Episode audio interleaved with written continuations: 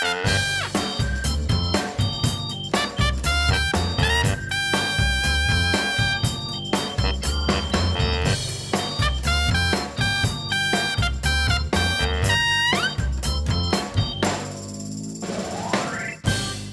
daar zijn we weer, Jeffrey. De nieuwe podcast van CIP. En dat op het moment dat momenteel 200 dominees vergaderd zijn op de Veluwe, mogen wij hier In het CIP headquarters het weer hebben over de laatste nieuwtjes. precies. Dus we zijn de afgelopen dagen in, eh, op de Veluwe geweest, moet ik zeggen. Niet in de Veluwe, op de Veluwe. Op de Veluwe, hè? Bij de Haamstede-conferentie. Ja, Ik zag foto's van je die je WhatsAppte. Er waren allemaal zwarte pakken. zeker. Ik heb zelf ook maar even een pakje uit de kast getrokken. Ja, ook zwart. Zeker, zeker. Ja, want je gaat ook geboet onder de zonde. Of wat is eigenlijk de reden dat die dominees zwarte pakken hebben?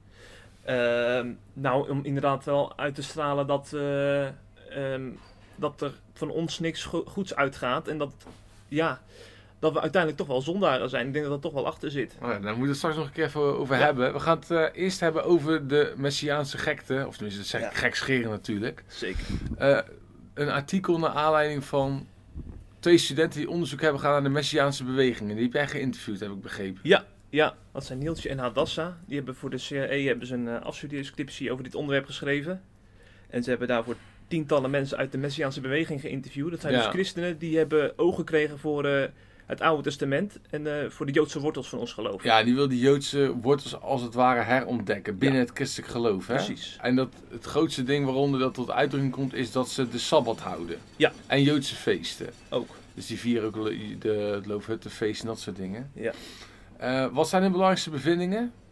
Want daar moeten we het even over ja. hebben, denk ik. Want het is sowieso wel een topic waar veel mensen links of rechts mee te maken hebben. Zeker, ja. Nou, allereerst, eh, als, als deze mensen dan tot de ontdekking komen dat, dat de Joodse wortels echt heel erg belangrijk zijn voor, voor hun geloof, Ja, dan eh, wordt al gauw gebroken met de traditionele kerk. Want eh, ja, we hebben natuurlijk onze eigen christelijke cultuur opgebouwd en daardoor ook het nodige overboord gezet. ja.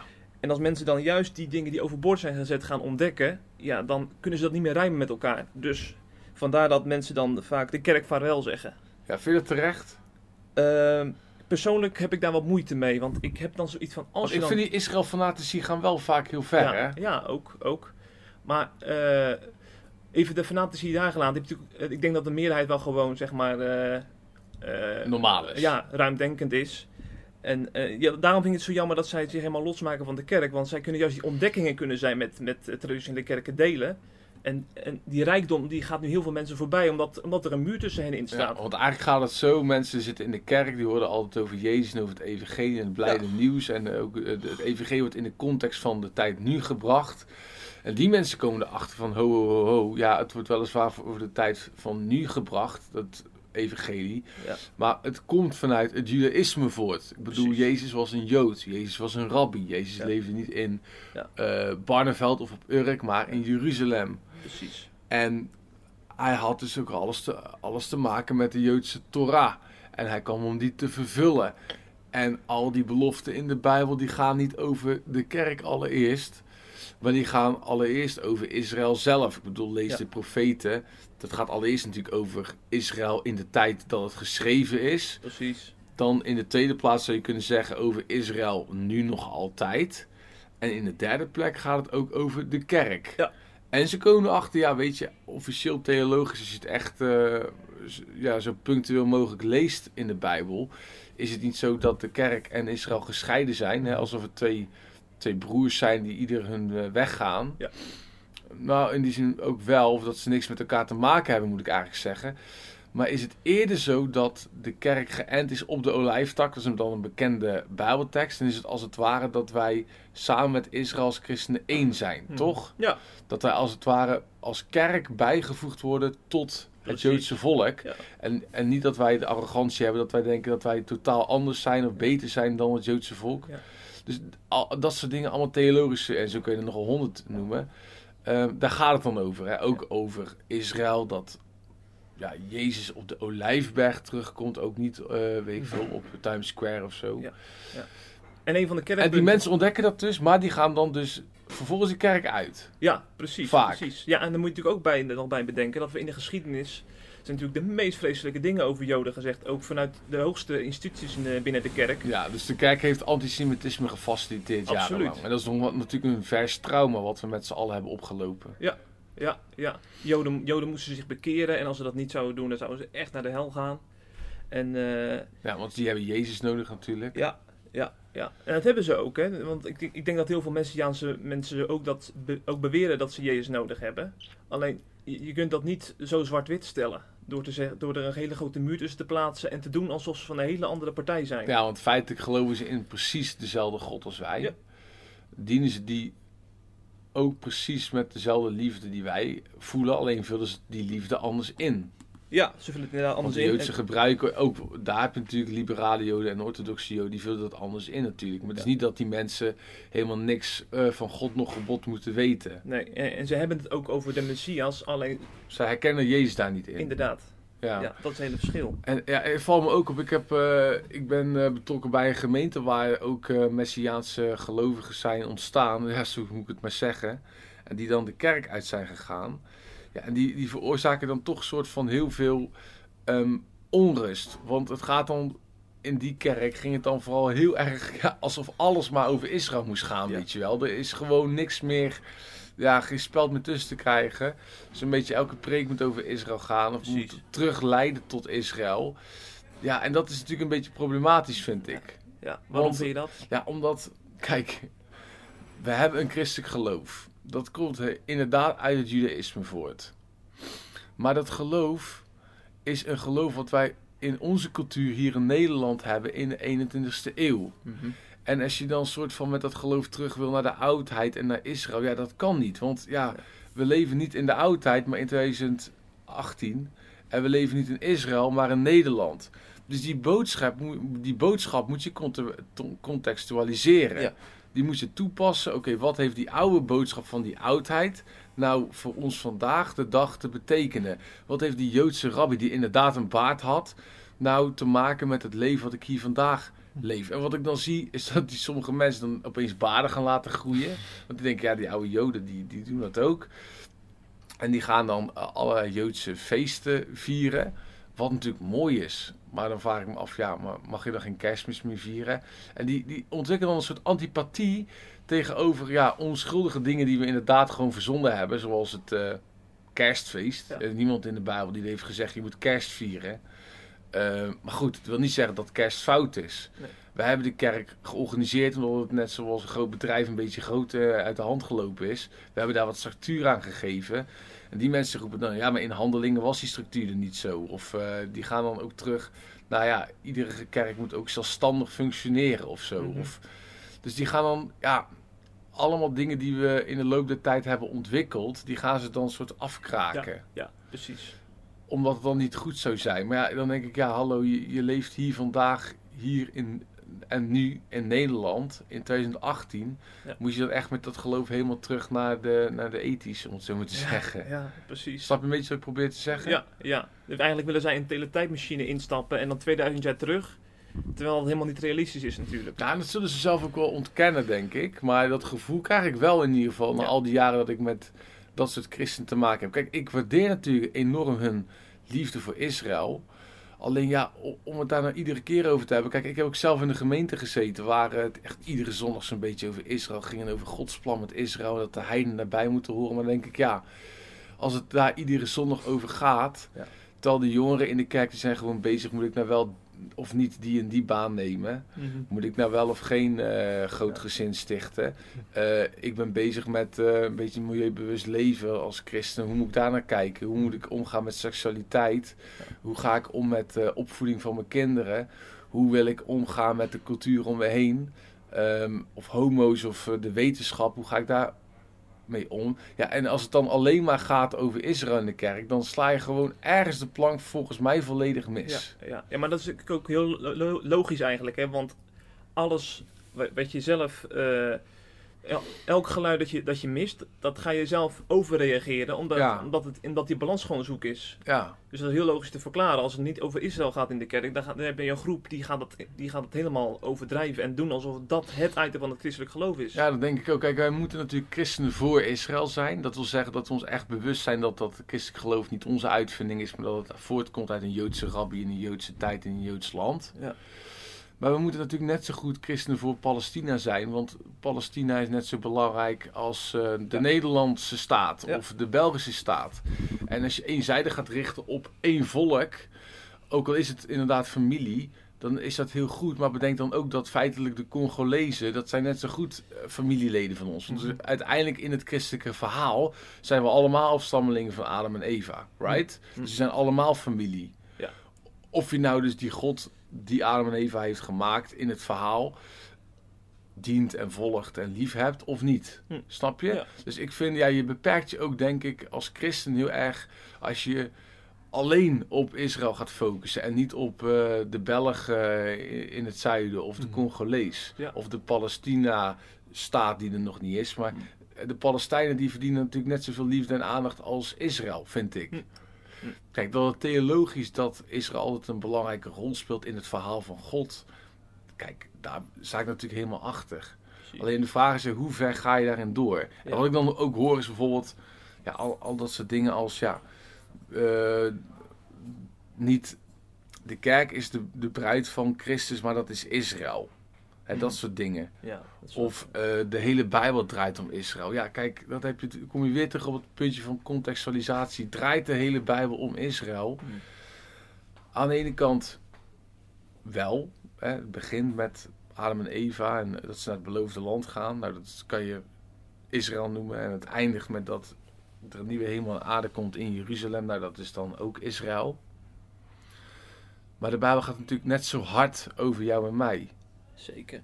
Want als het verhaal van de Samaritaanse vrouw eh, in de Bijbel staat, waarin Jezus een goed gesprek heeft, dan gaat het natuurlijk over die Samaritaanse vrouw. En dat is al sowieso geen Jodin. Ja. Maar het gaat in het verhaal net zo goed om jou en mij. Als het gaat om Zacchaeus en Jezus, gaat het natuurlijk over Zacchaeus en de Joodse rabbi Jezus. Maar het gaat ook over die Joodse rabbi en Rick, Bokelman. Ja. Snap je? En dan kom je weer op het punt van contextualisatie. Ik denk dat dat heel belangrijk is. Dat ja, als je dus zoiets ontdekt. ehm, want we hebben natuurlijk heel veel over pro-Israël. Wij zijn zelf ook echte Israël-liefhebbers. Wij zijn volgens mij ja, in weinig landen liever dan Israël. Jij hebt daar ook familie wonen. Ik kom er ook eh, Hm. regelmatig.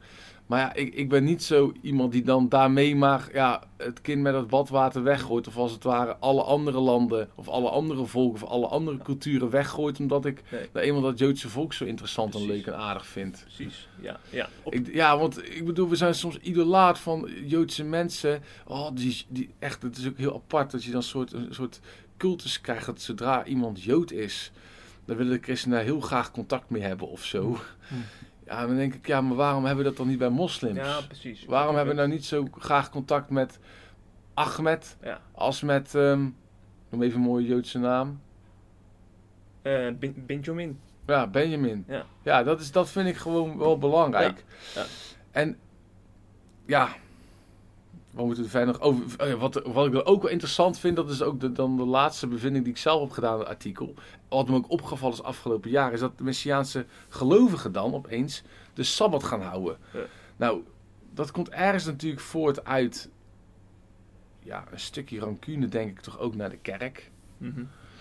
Want heel veel van die gelovigen zijn ten diepste ook een beetje teleurgesteld in de kerk. En die vinden eigenlijk binnen, dat, binnen die Messiaanse beweging een hele goede reden om die kerk te verlaten. Want dat is stiekem ook wel zo hoor. Want heel veel mensen zijn dan teleurgesteld in het kerkersinstituut. En denken, ja, alles wordt ons toch een beetje opgelegd. En we moeten hier toch denken en handelen zoals vanuit de kerk wordt verteld vanaf de kansel door de dominee. En die, ja, die hebben daar eigenlijk gewoon, die voelen gewoon aan, ja, zo zou het toch niet moeten zijn. En dat klopt ook, denk ik wel. Ik denk uiteindelijk moet iedereen zelfstandig leren leven met zijn geloven. Die moet dat niet opgelegd krijgen door wie dan ook. En dan het makkelijkste punt om af te krijgen is natuurlijk de zondag. In heel veel traditionele kerken is de zondag echt een heilige dag. Ik bedoel, je moet het niet wagen om dan uit eten te gaan en boodschappen te doen. Dat is in heel veel gemeenschappen natuurlijk altijd nog orde aan de dag. Of hoe zeg, hoe zeg je dat toch? Orde aan de dag? Ja, ik ken die uitdrukking niet. Dat maar- maakt niet uit. Ja. En dan komen ze achter, ja, maar wacht even, die zondag, dat, dat staat toch helemaal niet in de Bijbel? Nee, het is de Sabbat. Mhm. En die Messiaanse christenen, sowieso iedereen is volgens mij Messiaans als eh, christen, maar goed, de Messiaanse eh, christenen waar we het dan nu over hebben, die gaan ook de Sabbat houden. Ja, ja. En dat vind ik dan wel een beetje raar. Mm. Want die Sabbat, dat schrijven die studenten ook, wordt dan echt het grote, het grote ding binnen die stroming van Ja. het christendom. Ja. Het vieren van de Sabbat. En sommigen doen het dan vooral op zaterdag. Te officieel natuurlijk de Sabbat van vrijdag 6 uur s avonds tot zaterdag 6 uur s avonds loopt. En dat vind ik dan wel een beetje frappant. Want dan denk ik, dat staat natuurlijk, natuurlijk, het staat in de tien geboden. Dus het is goed om eh, een rustdag te houden. Kennelijk, ondanks dat God onuitputtelijk is, volgens mij deed God ook een dagje niks. Hm. Ehm, wat moeilijk te begrijpen is voor mij, omdat ik denk, dan denk ja, alles staat of valt toch met God. Maar goed, dat is dan heel diep. Maar God heeft die Sabbat gehouden, die heeft een rustdag ingesteld. Dat lees je dan in Genesis 1. En dus is het idee, wij moeten ook een rustdag nemen. Nou, dat is heel goed. Maar hun gaan zo ver, net als de evangelische en de reformatorische christenen, van je moet die zondag echt helemaal niks doen. Of die Sabbatsdag. Maar dan denk ik, wacht even, moet je dat nou echt zo fel opnemen? Want ja, oké, dan kun je zeggen, ja, het is de verkeerde dag. Het moet niet zondag zijn, maar het moet de Sabbatsdag zijn. En in, in binnen het Jodendom is dat van vrijdagavond tot zaterdagavond. Mhm. Maar dan ga je toch een beetje de wet houden, of ben ik dan gek? Ja, zeker. Maar het belangrijkste punt hierin is volgens mij dat de Sabbat echt aan de Joden is gegeven. Want je hoort ook Joodse mensen zeggen over die beweging van waarom gaan zij ons nadoen? God heeft duidelijk al die, al die, eh, al die tien geboden aan het Joodse volk gegeven. Ja. En nu gaan christenen gaan dan doen alsof zij de Joden zijn.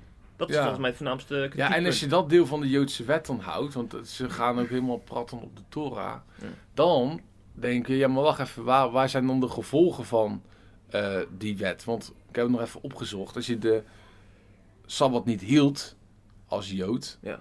dan stond daar gewoon de doodstraf tegenover. Hm. Dus, eh, oké, dan hou je dus de wet wat je belangrijk vindt, maar als je het niet doet, dan zijn er geen gevolgen aan. Dat is toch een beetje raar, vind ik. Ja.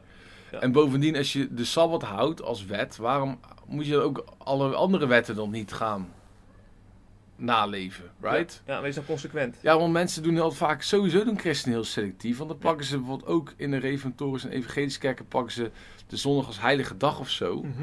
Maar ik bedoel, alle andere Joodse wetten die daarin staan, in dat stukje, inclusief de gevolgen als je dat dus niet.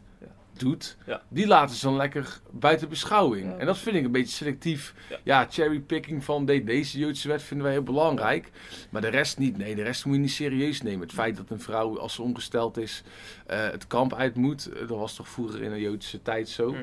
Ja, nee, nee, nee, nee, nee, dat, dat doen we niet. En natuurlijk, als je dan de Sabbat niet houdt, nee, er staat geen doodstraf op. Terwijl in puur sec, als je de Bijbel leest, ik heb hem nog even opgezocht, er staat gewoon keihard de doodstraf. Exodus 31, vers 14, Exodus 31, vers 15, Exodus 35, vers 2. Dat als je die heilige dag niet zou houden, dan moet je gewoon ter dood gebracht worden. Dus ik denk, ja, dat is ook wel een beetje raar aan de ene kant. Dus, oké, als je dat dan gaat houden, maar echt strikt houden, alsof het een wet is, dan moet je ook eigenlijk de gevolgen volgens mij accepteren. Maar ja, dat kan natuurlijk niet, want we hebben geen doodstraf in Nederland. En B, als je het ene dan van de wet doet, van de Joodse wet Ja. doet als christen, waarom moet je dan niet al die andere dingen gaan doen? Mhm, Precies. Ja, goed punt. Nou, gaan we verder naar het tweede onderwerp. Ja, dat is dus de Haamstedenconferentie. Ja, de Haamstede Party kan ik Ja, wel zeggen. Dat is ja. toch het eh, feestje waar iedere dominee volgens mij naar uitkijkt binnen de rechterflank van de kerk. Ja, ja, ja. Wat is de Haamstede Conferentie voor de mensen die het niet weten? Nou, ehm dominees die eh, zijn, keren niet terug van vakantie. En voordat zeg maar, het kerkelijk jaar begint, dan komen ze dus drie dagen bijeen op de Veluwe om eigenlijk elkaar te bemoedigen. Een hutje op de hei of een dik riant conferentiecentrum? dat, dat laatste. En met goed eten ook, Ja, natuurlijk. Er wordt goed voor ze Drie, gezorgd. drie flinke gangen ook. Ja? Ja. En eh, soms zie je trouwens ook wel dat ze van lekker eten houden, maar dat even Mhm. terzijde. En eh, Ja, Hoezo zie je dat dan? Ja, nou de buikjes groeien wel met de jaren hoor. Ja, het zijn Ja. niet de meest afgetrainde mensen, heb ik vaak het idee. Nou, nou ze zijn er wel. Ze zijn Nee, er maar als je een stel bouwvakkers pak zijn ze vanzelfsprekend natuurlijk afgetrainder dan de gemiddelde do dominee, Ja. toch? Het is ook een zitberoep ook, hè? Ja, oké, dat is ook zo. Ja. Daarom gaan wij ook naar de sportschool uit, Jeff. Zeker, ja, ja. Vooral jij, want jij... wij hebben ook een zitberoep. ja. Ja. ik heb wel tegenwoordig serieuze guns, hè? Zie je Daarom. wel. Ja, ik ben jaloers, man. Maar ze komen dus drie dagen daar samen om elkaar te bemoedigen. Dus eh, ze, ze volgen lezingen. Maar ze gaan ook met elkaar wandelen in die bossen daar. Om, om ook echt te spreken van, joh, hoe doe jij nou in je gemeente? En wat heb jij voor mooie dingen gezien?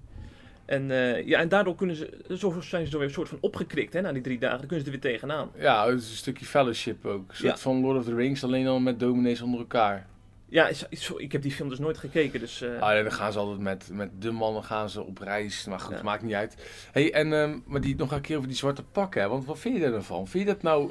Ja, ik, vind dat, ik blijf het toch, want ik ben ook natuurlijk niet in die cultuur opgegroeid. Dat weet je, in de echte, de echte revo-cultuur. mhm. Die zwarte pakken blijf ik toch fascinerend ja, vinden. ja, ik ook.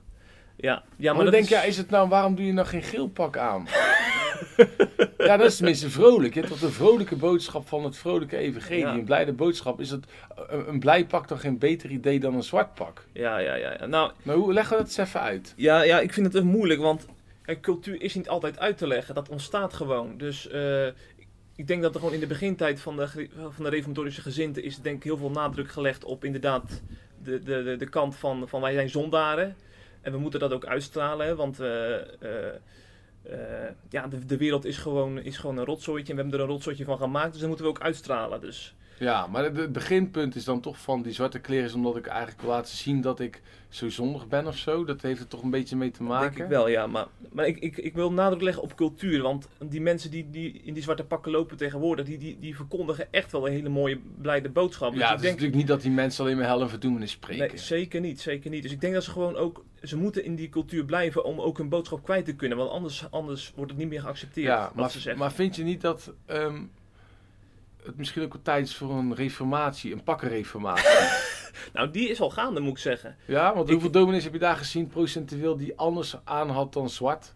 Ik denk dat, we nu, zijn. ik denk dat we nu richting de, de, de 30% al gaan. Ja? Ja, serieus. Mensen die wat donkerblauw aandragen. Maar dat is toch wel iets beter Andere dan zwart. Zo ook wat meer gekleurde stopplassen zie ik ook tegenwoordig. Maar hoe naar geel toe, hè?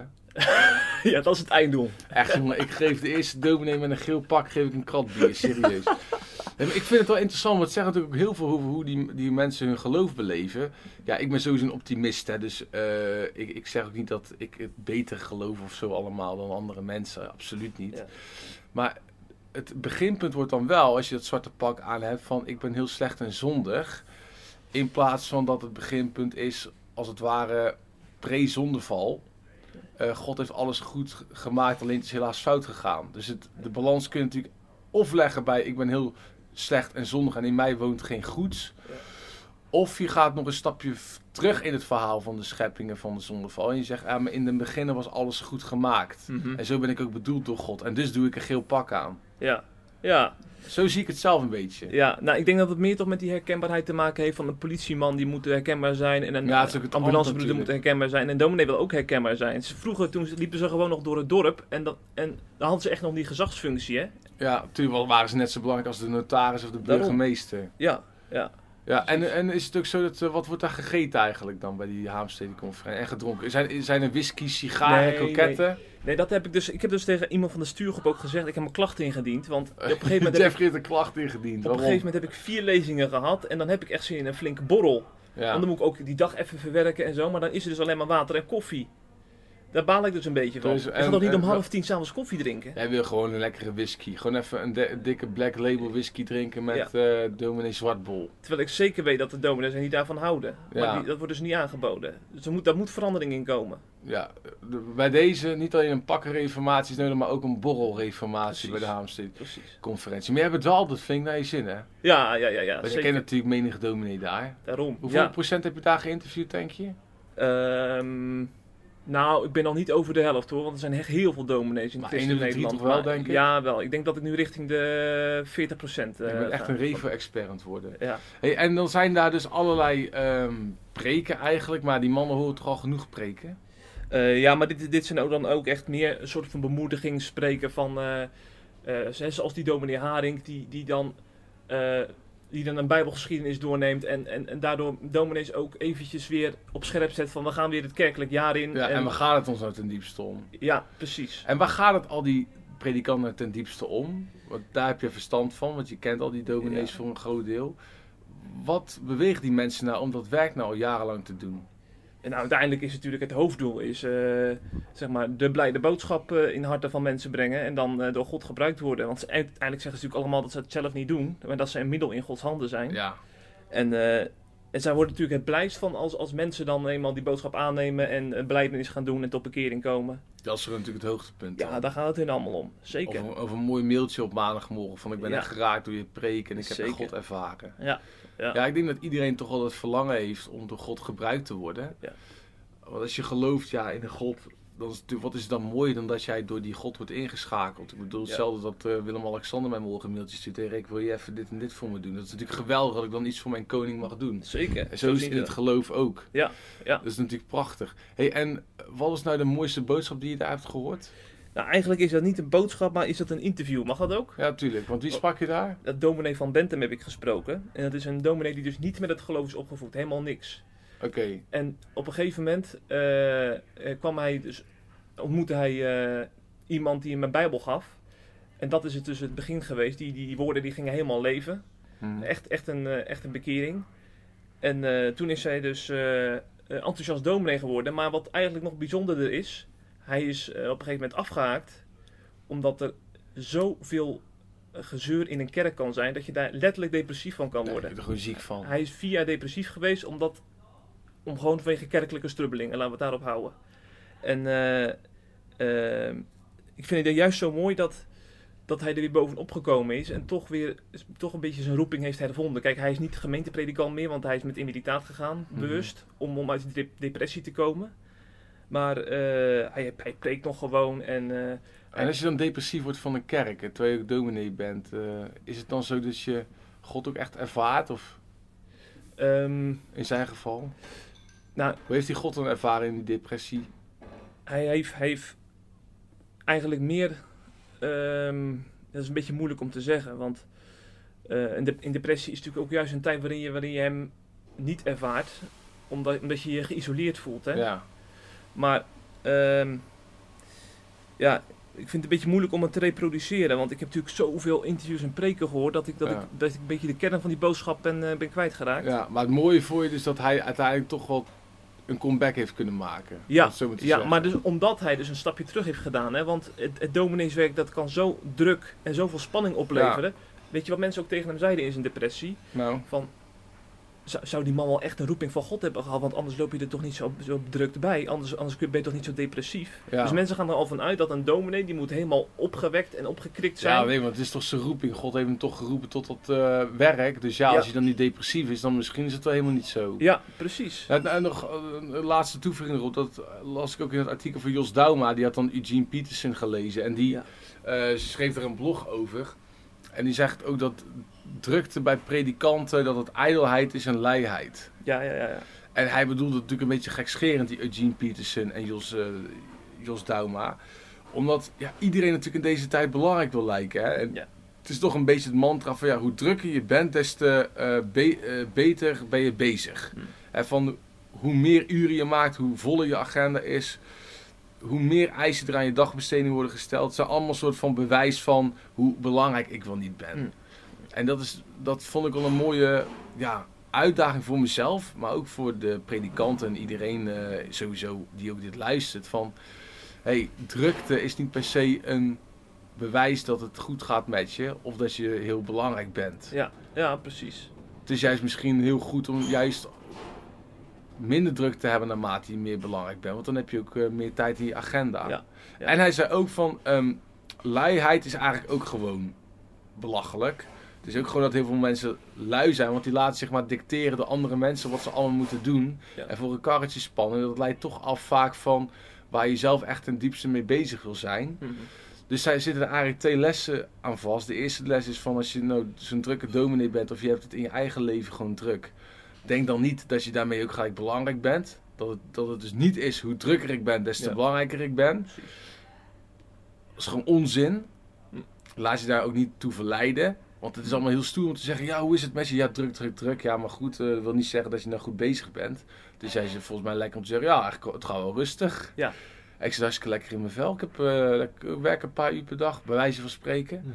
En dat je dus ook niet moet laten dicteren door andere mensen. Dat is ook gewoon zwakte. Dat je gewoon uit luiheid maar ja, alles gaat doen voor mensen omdat ze dat van jou verwachten of zo. Ja. Want dat leidt dan weer af van waar je ten diepste echt mee bezig wil zijn in je eigen leven. Ja, ja, Want zoveel mensen doen dingen in hun leven ehm, om anderen te pleasen en niet omdat het ten diepste ligt in hun hart. Ja. Dat ze het niet doen omdat ze ten diepste dat echt willen doen. Dat ze denken, wow, hier ben ik voor gemaakt. Ja. Ja, precies. Mag ik ook, nog even één ding over delen?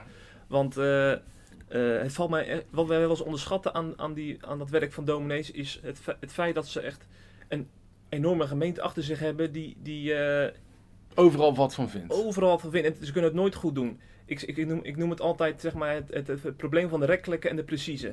De rekkelijke die, die, die pleiten voor vernieuwing en voor positieve boodschap en voor zalvende woorden vanaf de kansel. En die willen natuurlijk vooral nadruk op de, op de genade hebben. En dan heb je Mhm. de precieze, die zijn wat conservatiever. Als je dan bijvoorbeeld als dominee eh, pleit voor eh, wat, wat meer gezangen in plaats van psalmen, ik noem maar wat. Ja, of Er een komen- weet ik veel wat. Ja, er, er vallen al die precieze over je heen, weet je Ook wel. machine onder de kansel. Ja, ja. Ja, En nee, dan je- gaat, gaat iedereen los natuurlijk. Boze brieven en toestanden en gerol. Maar de, ik heb het idee, christenen doen ook vaak gewoon zo moeilijk omdat ze het daar maar ergens over kunnen hebben. ook. Zoals met voetbal. Dan gaan we, ik, jij, bent, jij volgt voetbal beter dan ik. Maar dan hebben we ook allemaal onze mond doen allemaal moeilijk over wat de, de coach nou weer heeft beslist. Ja. Ten diepste gaat het ons echt niet om wat die coach heeft beslist. We willen gewoon iets te zeiken hebben. Om het maar gewoon even hard te zeggen. Ja. Right? We willen gewoon lekker iets zeuren. We willen gewoon afgeven op mensen. We willen gewoon een beetje, ja, een beetje de jeu erin houden. En hoe doe je dat beter dan Ja. lekker moeilijk te gaan lopen doen over dit of dat. Ja, ja, dat is ook zo. Mensen kunnen soms zo moeilijk aanvaarden. Hey, die dominee doet hartstikke zijn best. Ja. Het is niet helemaal mijn stijl, maar och man, wat ben ik toch blij met die man. Ja, ja, ja, precies. Is ook zo. Hey, gaan we het even hebben over het derde onderwerp, eh, het laatste onderwerp van deze podcast. Dat is eh, de cartoonwedstrijd die Geert Wilders heeft eh, uitgeschreven. Ja. En ik wil graag zo meteen een mini-cursus godslastering geven voor christenen. Oh ja. Als je het niet erg vindt, Nee, in de laatste minuten. Ja. Hey, wat was er aan de hand? Ehm Geert Wilders heeft een cartoonwedstrijd eh, uitgeschreven. Die vindt eh, dit najaar geloof ik plaats in de Tweede Kamer. Waarbij mensen natuurlijk eh, de islam kapot mogen tekenen of mogen bespotten. Op ofwel een sarcastische of sadistische manier. Alles onder het mom van vrijheid van meningsuiting. Wat vind je ervan? Ehm, ik vind het belachelijk dat Geert Wilders nog steeds niks geleerd heeft, terwijl hij al zo lang in de politiek zit. Hoe bedoel je dat? Nou, inmiddels moet je toch weten dat, als dat, dat, dat je met provocatie je boodschap niet, eh, eh, niet kan verspreiden. Dat komt totaal niet aan.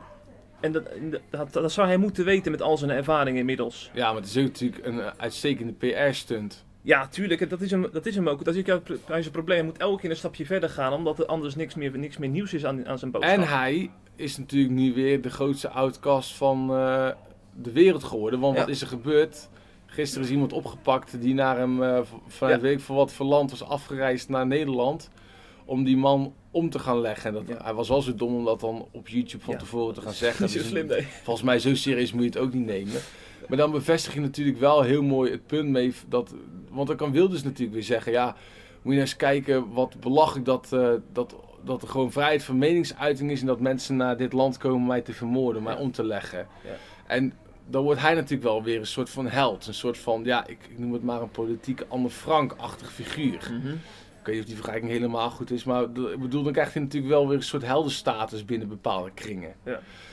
Ik moet wel zeggen dat ik het idee heb dat heel veel christenen totaal geen moeite hebben met islamitische spotprenten. Ben je het daarmee eens? Zeker onze lezers niet, die zijn toch redelijk anti-islam. Ja, zeker. Daar geloof ik het mee eens. Ja. En ik zat erover na te denken, toen dacht ik, ja, het valt me op eigenlijk dat christenen geen enkel probleem hebben met spotprenten waarin de islam belachelijk worden gemaakt.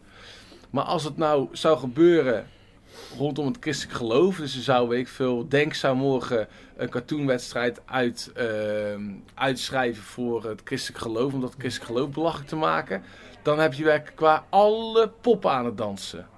Ja, maar in welke zin? Want er is een verschil tussen geweld, met geweld dreigen en eh, gewoon kritiek hebben. Oh, wacht even. Het gaat om de kritiek op de cartoonwedstrijd. Ja. Ik bedoel dus, als er een cartoonwedstrijd is van Wilders, dan hebben wij feitelijk geen enkel probleem met die cartoons aan zich. Ja, ja, ja. Terwijl als Denk dat zou doen en die zou eh, het christelijk geloof belachelijk gaan maken met die cartoons, Hm. dan zouden werkelijk waar SGP en ChristenUnie morgen nog eh, op, de, op de bres gaan staan. Ja. Je het daarmee eens? Ja, zeker. Nou, en dan moet ik even iets over vertellen. Want ik vind dat dus meten met twee maten. Ja. Rutte die zei ook terecht over die hele ja, cartoonwedstrijd van Wilders. Ik ben zelf christelijk en mijn geloof wordt daar is belachelijk gemaakt, zei hij. Maar je moet tegen een stootje kunnen. En dat geldt ook voor moslims. Mhm. En ik heb eh, al twee jaar geleden of zo het boek van Sharp gelezen. Dat is ehm, eh, iemand die bij Charlie Hebdo actief was. Die was een van de stichters.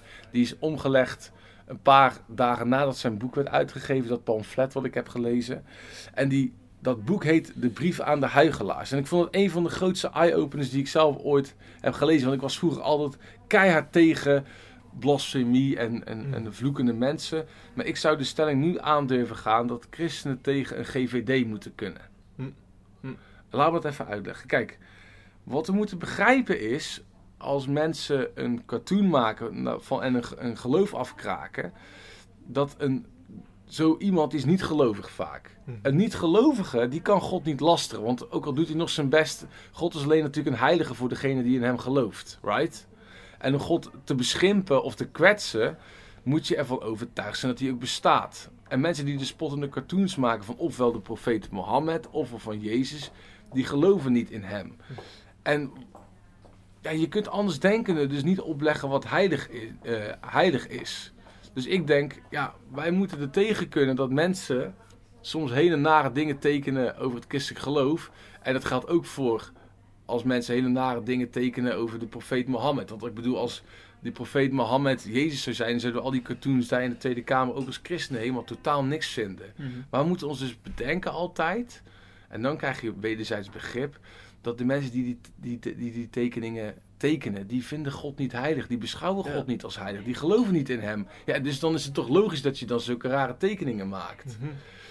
Dus dan kun je daar ook veel minder boos over zijn, want dan begrijp je veel beter dat mensen dat soort dingen doen. Ja. En dat brengt me bij Walter Dijkshoorn, want die, die tekent natuurlijk al eh, een hele tijd cartoons. Ik hoop trouwens ik een tijd niks van hem heb gezien, of heb ik dat gewoon Elke gemist? vrijdag is Ah, een oké. cartoon op eh, Facebook. Ja. Kijk, hij krijgt bijvoorbeeld, hij is dan een christelijke cartoonist en hij tekent dan ook Jezus of God soms in cartoons. Ja. Eh, sommige daarvan plaatsen wel op CIP, sommige niet. En heel veel mensen die worden dan boos hè, als hij Jezus afbeeldt of God. Maar je moet toch God een beetje in een cartoon vormgeven. Dus dat is dan vanzelfsprekend oude man in een oude baard. Maar wat mensen dan niet... Dan krijg je al vaak boze telefoontjes of boze mailtjes van christen. Van je mag God niet afbeelden. Gaan ze weer terug trouwens naar de Joodse wet. Ook een hele andere interpretatie van de Joodse Hm. wet. Hm. Kom je weer op hetzelfde punt als eerst. Ja, moet je daar nou echt zo zwaar aan tillen? Want als je zo zwaar tilt aan je mag geen afbeelding maken van God. Moet je dan niet alle andere dingen in de Joodse wet ook niet serieus nemen. Mhm. Maar goed, dat terzijde. Dan worden die mensen boos. Alleen wat die mensen dan niet begrijpen is dat als een christelijke cartoonist Jezus of God afbeeldt, dan heeft hij het niet per se over ons beeld van God. Mhm. Dat tekent hij niet. Hij, teelt niet. hij tekent niet God zelf. Maar hij tekent iets wat te maken heeft met ons beeld van God. Snap je? Ja. En dus vind ik in zekere zin dat er ook niks mis mee is om grove grappen te maken over God. En ik doe dat zelf ook wel eens. Dan weet je ook dat ik op de redactie ook wel eens een grapje maak. Omdat uiteindelijk je daar niet mee per se God, Mhm. maar je eigen geloof in God belachelijk maakt. Ja. Niet God zelf, maar het geloof van je medechristenen. Ja. Dat, dat maak je soort van eh, even belachelijk. En dat, wat is er nou beter dan zelfrelativering, denk ik dan? Hm. Ehm, ja, ik denk dan ook wel eens, ja, God lacht meer om de grappen die over hem worden gemaakt dan alle christenen bij elkaar. En dat is ook nog een ander ding. Je moet ook natuurlijk niet verwarren wat haatzaaien is en wat spotten is. Kijk, je kunt natuurlijk spotten met het christelijk geloof. Of spotten met de islam.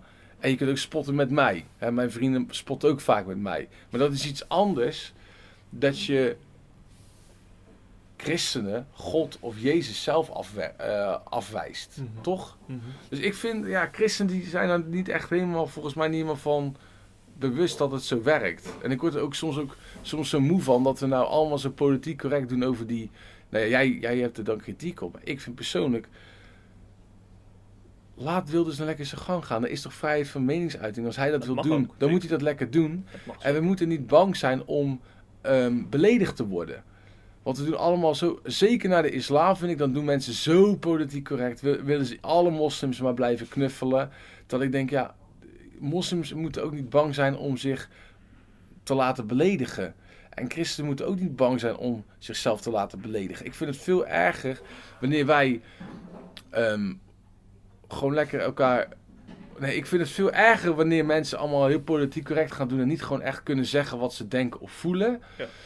Dan dat je dat wel doet en dat dat inderdaad soms dat je er even denkt, oeh, dat vond ik geen fijne opmerking. Of oeh, dat plaatje dat vind ik als christen niet helemaal fijn. Of oeh, dat plaatje vind ik als moslim niet helemaal fijn. Maar ik vind het belangrijk dat mensen altijd kunnen zeggen wat ze denken, voelen of vinden. Ja. En ik vind dat moet altijd veel zwaarder wegen dan dat je dat niet kunt uiten, omdat je anders mogelijk mensen daarmee voor hun hoofd stoot of op een teentje strapt. Ja. Zie je dat Ja. ook zo? Ja, daar, ben ik, eh, daar kan ik me wel in vinden. Zeker. Maar je bent uiteindelijk ook kritisch. Dat zeker, want ik, ik, ben, ik ben ook wel. Ik, vind, ik ben helemaal pro-vrijheid van meningsuiting. Ik vind dat je elke cartoon moet maken die je zelf maar wil. Alleen ik vind ook, als, zeker als politicus, dan, dan is het ook goed om gewoon wijs te zijn. En wat is dan wijs? Dat is om eh, gewoon inhoudelijke kritiek te leveren op de islam. En zo dichter bij, bij je tegenstander te komen. Want dan kom je boodschap wel over. En als Ja. je dan afstand schept, dan, dan, dan staat er een grote dikke muur tussen jou en die, Ja, en die moslim in. Ja, maar het is denk ik wel ook belangrijk om dan die cartoonisten dus te begrijpen. Te begrijpen, ja, die mensen die geloven niet in God. Dus ja, als je niet Ja. gelooft in God of Allah, dan kun je ook heel makkelijk die Allah bekritiseren. Ja. Als je ook Ja. vindt dat het een kwaadaardige ideologie is. Ehm, en zo kun je natuurlijk ook over het christelijk geloof denken met al dat misbruik en toestanden wat wij hebben gedaan. Dan is het toch oké om dat belachelijk te maken, dat te bespotten. Want uiteindelijk bespot je, laten we zeggen, de ideologie erachter. En niet per se de mensen. Je, spot niet met de mensen zelf. Je zegt niet, die mensen mogen niet op deze aard, aarde zijn. Mhm. Toch? Ja, Dus ik zeg ja, ook christen, want dat, uiteindelijk, dat is een echte punt waar de meeste christen misschien in het dagelijks leven iets mee kunnen. Als jij iemand hoort GVD'en, ik vind dus dat mensen christen tegen een GVD'tje moeten kunnen. ja, ja. Dan moet je dus, dan moet je dat gewoon kunnen accepteren. Dat, dat je het niet fijn vindt om te horen, want jij gelooft in God, dus voor jou is een GVD heel erg. Ja. Maar voor die persoon die die GVD eruit flapt, ja, is, heeft het een hele andere lading. Ja. En wij doen soms dat mensen die een GVD laten vallen op de werkvloer, dat die dezelfde gevoelens moeten hebben daarover als wij. Hm. Ja, maar dat kan natuurlijk niet. Nee. Snap je? Nee, dat is duidelijk. Dus daarom is mijn stelling, we moeten tegen spotprenten kunnen van Mohammed. Maar dan moeten we ook eerlijk zijn en tegen spotprenten van Jezus en God kunnen. Laat staan christelijke spotprenten, die gewoon door een christen worden gemaakt met goede bedoelingen. Omdat hij niet God bespot, maar eigenlijk hoe wij christenen vaak doen en denken. Ja. En vervolgens moeten wij dus ook tegen een GVD kunnen. En zouden we altijd dat wat we denken, voelen of vinden, de uiting daarvan belangrijker moeten vinden dan het maar te vriend houden of het niet op de teentjes willen trappen van mensen. Omdat de vrijheid van meningsuiting belangrijker is, denk ik, dan welk recht dan ook. Daar zou iedere Nederlander ja, ja en amen op moeten zeggen. Amen. Ja. Hey, het was een lange podcast, Jeff. Ja. Maar goed, als het maar niet saai was voor de Nee, mensen. nee, dat is het belangrijkste. Je hebt mooie insights van de Haamstede-conferentie gedeeld. De Haamstede-party gaan we hem vanaf nu doen. we gaan weer eens aan het werk, hè? Ja, Hey, ehm, wil je nog een afkondiging doen? Ja, zeker. Wij hebben natuurlijk eh, heel veel mooie lezingen van de Haamstede gehoord. Die gaan we de komende tijd op SIP zetten. En als je nou die artikelen wil lezen, word dan CIP Plus lid. Want dan maak je ook weer eh, de volgende SIP-podcast mogelijk. Van, van dat geld kunnen wij weer hele mooie apparatuur eh, kopen, onder andere. Hè? Zo is dat. En kunnen we Ja. onze salarissen betalen, onze Ja. kinderen eten geven. Je hebt nog geen kinderen, maar je, die vrouw moet ook eten. Ook. Heb je huisdieren? Ja, een kat. Ja, je kat moet ook eten. Gaat ook door. En we willen af en toe op vakantie natuurlijk. En Ja. wat boeken kunnen kopen. Ja, ja. En je wil nog naar Excelsior blijven gaan, want je jaarkaart kost ook eh, geld natuurlijk. ja, ja, ja. ja. En niet op zondag gaan, hè, Jeff. Dat is een andere discussie, ja. Hoi, hoi. Goed.